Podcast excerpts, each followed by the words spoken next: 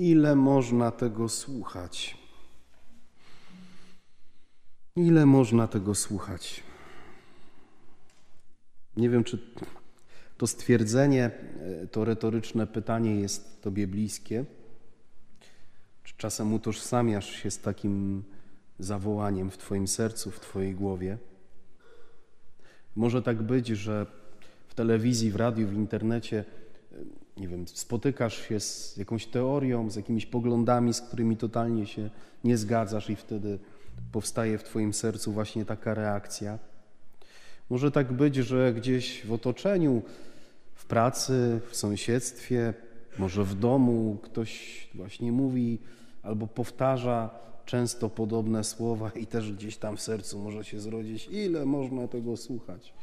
No, bo w szkole nauczycielka na uczelni wykładowca. Nie? Może mieć taką swoją płytę, y, zaszufladkować kogoś nie? i potem już no, no, no nie idzie, nie idzie tego słuchać.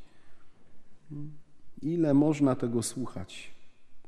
Mam nadzieję, że nie masz takiego doświadczenia y, w przestrzeni chrześcijaństwa, że, że nie, nie doświadczyłeś tego y, słuchając jakiegoś kazania, konferencji czy chodząc na lekcje religii. Mam nadzieję, że tak nie jest. Dzisiaj na początku Ewangelii, to jest pierwszy rozdział Ewangelii Świętego Marka, słyszymy o tym, że Jezus przyszedł y, do synagogi w Kafarnaum. Kafarnaum to była taka jego baza w trakcie publicznej działalności, miasto, w którym mieszkał święty Piotr. I, I wchodzi Jezus tam w Kafarnaum w szabat do synagogi i naucza. Żebyśmy mieli Taką jasność każdy kilkunastoletni Izraelita w czasach Pana Jezusa miał prawo otworzyć zwój y, Słowa Bożego i zacząć czytać publicznie, tylko Jezus idzie krok dalej, komentuje to Słowo i to robi w taki sposób, że ludzie są zdumieni. Ludzie są zdumieni Jego nauką. I Marek wyjaśnia, nie uczył ich jak uczeni w piśmie, do których byli przyzwyczajeni, ale jak ktoś, który ma władzę. Czyli kiedy Jezus wypowiada komentarz do słowa, które czyta, to mówi to w taki sposób, że jest to nawiązanie do tego, co dzieje się zaraz na początku Księgi Rodzaju, kiedy Pan Bóg wypowiada słowo i tym słowem stwarza. To słowo dzieje się, ono się wydarza w tym momencie. To jest ta nowa nauka z władzą, jak to określą e, ludzie właśnie w dzisiejszej Ewangelii. Oni są zdumieni Panem Jezusem, a możemy dzisiaj zadać pytanie, czy religia ma w sobie zdolność, aby nieść zdumienie? Dlatego, że ktoś powie, no my dzisiaj mamy dostęp do Jezusa przez chrześcijaństwo, chrześcijaństwo jest religią. No właśnie, więc czy religia ma w sobie zdolność do tego, żeby nieść zdumienie. Mircea Eliade, religioznawca, który przypatrywał się nie tylko takim religiom jak e, chrześcijaństwo, islam, e, judaizm, e, buddyzm, ale też wielu kultom pierwotnym, zauważył, że ludzie mają w sobie takie podwójne odniesienie do rzeczywistości nadprzyrodzonej. Że z jednej strony może nas coś Panu Bogu, czy, czy tam w tym kimś, kto jest po drugiej stronie e, świata, po drugiej stronie życia, może nas coś fascynować. Możemy być zauroczeni tym, jaki jest Pan Bóg, bardzo gdzieś wewnętrznie poruszeni, a z drugiej strony możemy być przerażeni e, istotami nadprzyrodzonymi, Panem Bogiem. Możemy być przerażeni, dlatego że przeczuwamy, że od Boga e, zależy nasz los i istnieje jakaś taka dziwna intuicja, niekoniecznie ona jest oczywiście chrześcijańska, że kiedy zrobimy coś nie tak, to, to Pan Bóg nam w odpowiedni sposób odpłaci i, i dlatego lepiej być grzecznym wobec tego kogoś, kto jest po drugiej stronie, mm, żeby sobie zaskarbić rzeczywiście jego życzliwość. Tyle teorii religiologicznej.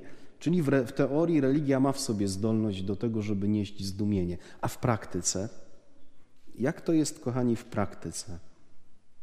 Czy Pan Bóg, którego y, niejednokrotnie zamykamy w zamkniętych y, różnych definicjach, prawdach katechizmowych, które uczyliśmy się na lekcjach religii. Czy Pan Bóg, którego, który może nam się kojarzyć najpierw z, z rodzicem albo z dziadkiem, którzy uczą nas znaku krzyża i pacierza, i kiedy pomodlimy się jako małe dzieci tym modlitwą, której zostaliśmy nauczeni, czasami już we współczesności, nie w tyle w domu, co na y, lekcjach religii w przedszkolu, bo zdarza się i tak, że dzieci w domu już się pacierza niestety nie uczą, ale czy Pan Bóg, który się nam kojarzy z tą osobą, która nas uczy modlitwy i mamy takie poczucie satysfakcji, że ta osoba poczuła się dobrze, bo w prawidłowy sposób zrobiliśmy znak krzyża albo wypowiedzieliśmy tekst modlitwy, czy Pan Bóg, który kojarzy się z tym, że e, udało nam się jakoś przygotować do pierwszej komunii, e, do pierwszej spowiedzi, czy Pan Bóg, który nam się kojarzy z rodzicami, którzy są z nas zadowoleni, że zawarliśmy sakramentalny związek małżeński, czy Pan Bóg, który w chrześcijaństwie jednak jest tak bardzo zapośredniczony, to znaczy, że ładnie my to nazywamy, że mamy tą religię wcielenia, że jest ten drugi człowiek, ale możemy dojść do takiego momentu, że, że wręcz postawimy wielki znak zapytania nad możliwością bezpośredniego doświadczenia Pana Boga, bo ciągle Pan Bóg będzie nam się kojarzył z jakimś człowiekiem, z papieżem, biskupami, proboszczem, siostrą, katechetą, katechetką, mamą, tatą. Czy, czy, czy właśnie religia, którą czasami zamykamy w chodzeniu utartymi schematami i ścieżkami, niesie w sobie zdolność do zdumienia. Czy dzisiaj, słuchając Ewangelii, mam to samo, co, co ci ludzie wtedy w Kafarnaum, że Jezus się do mnie odzywa, a ja go słucham i, i, i może nawet nie fizycznie, ale gdzieś tam wewnętrznie otwierają mi się szeroko usta i mówię: Ło, Panie, naprawdę Ty to do mnie mówisz? W 2002 roku, kiedy byłem licealistą, pierwszy raz przeżyłem takie, myślę, poważne i głębokie, prawdziwe zdumienie Panem Bogiem. Kiedy usłyszałem, że Bóg kocha mnie takiego, jakim jestem, że nie muszę na Jego miłość zasługiwać, niczego Jemu udowadniać, że On ciągle mi towarzyszy swoją miłością. Mało tego, że tak bardzo mnie kocha, że wziął na siebie moje grzechy, moje słabości, po to, żeby mnie uratować, żeby mnie zbawić żeby pokonać moc zła w moim życiu, żeby wydobyć mnie z tego wszystkiego, co może być pułapką mojej przyszłości, jakąś moją raną, blizną, że mogę przez wiarę powiedzieć: Panie Boże, chodź do mojego życia, oddaję Ci to moje życie, zamieszkaj w moim sercu. I wtedy, ojej, trzeba by już powiedzieć, na przełomie, to było właśnie stycznia i lutego 22 lata temu, y, wtedy gdzieś doświadczyłem pierwszy raz takiego wielkiego zdumienia i ono jest ważne i, i można takiego zdum, takie zdumienie przeżyć na różnych rekolekcjach ewangelizacyjnych, także na kursie Alfa, który za 9 dni startuje, kolejna edycja w naszej parafii. Ale takie jednorazowe zdumienie Panem Bogiem to za mało.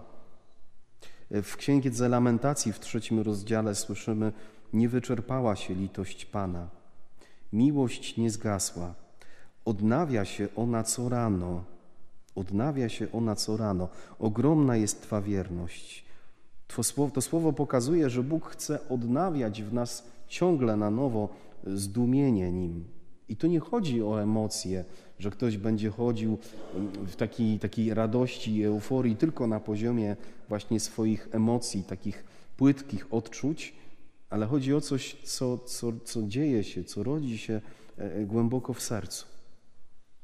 I myślę, że mogę powiedzieć, że od dwóch lat y, y, takiego zdumienia doświadczam na naszych spotkaniach biblijnych, kiedy otwieramy konkretny tekst pisma, kiedy próbujemy go słuchać, kiedy potem zaczynają nam się poszczególne punkciki łączyć z innymi, znajdujemy nawiązanie do innych tekstów, odkrywamy szerszy kontekst i jest w pewnym momencie w moim sercu: ojej, Panie Boże, aż tak bardzo Ty właśnie taki jesteś? Ty, ty właśnie tutaj to aż, aż to mówisz. I, I takie zdumienie, przynajmniej mogę ze swojego doświadczenia powiedzieć, jest, jest bardzo życiodajne. Czy zdarza Ci się w ramach modlitwy osobistej otworzyć Biblię? Tak, wiem, w tym momencie ktoś może powiedzieć, ile można tego słuchać. No przecież ksiądz co jakiś czas ciągle o to samo pytam. No tak, ciągle o to samo pytam, bo dla mnie osobiście, jako księdza z 13,5-letnim stażem, też to jest ciągle wyzwanie. Czy ja odmawiam modlitwy, czy, czy przeżywam moje życie duchowe jako spotkanie? Czy, czy zdarza mi się w ramach modlitwy osobistej otworzyć Biblię? Albo od, zobaczyć chociażby w komórce, jakie są czytania na ten konkretny dzień. Jest aplikacja Pismo Święte, ale można w przeglądarce po prostu wpisać czytania na dziś. Bo może, kochani, tak być, że ranek to wiadomo, człowiek zanim y, mu się odklei żółtko od białka i, i zatrybi, co się dzieje, dokąd ma iść i tak dalej, to ciężko o tą modlitwę osobistą o poranku, więc myślę, że większość z nas inwestuje w ten wieczór na zasadzie, no dobra, rano mu niekoniecznie się udało, wieczorem spróbuję, ale jeżeli wieczorem wygląda to w ten sposób, że oglądam telewizję, albo czytam bardzo pasjonującą, niekoniecznie religijną książkę, albo oglądam serial na, na serwisie streamingowym, albo y, do późna gram na komputerze i potem nagle zamknę to i stwierdzę, no dobra, to teraz ja się pomodlę i pójdę spać, no to może być naprawdę zabójca dla mojego zdumienia. Także moja modlitwa wieczorna, osobista, może mieć tą przestrzeń, w której, w której daje Panu Bogu szansę na to, żebym, był, żebym była zdumiona, żebym był zdumiony. Właśnie przez chwilę zastanowienia się, co dzisiaj było, ale, ale właśnie może przez chwilę otwarcia yy, Pisma Świętego. Ja mam o tyle lepiej, że, że muszę z obowiązku modlić się z fragmentami Biblii w brewiarzu. Yy, I jakby ja mam to na wyciągnięcie ręki.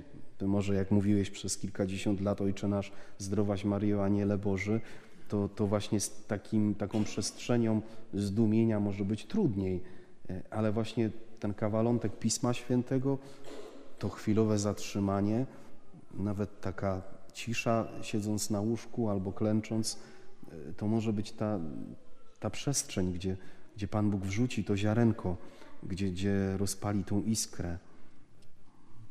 W Kafarnaum Jezus w szabat wszedł do synagogi i nauczał – Zdumiewali się jego nauką, uczył ich bowiem jak ten, który ma władzę, a nie jak uczeni w piśmie.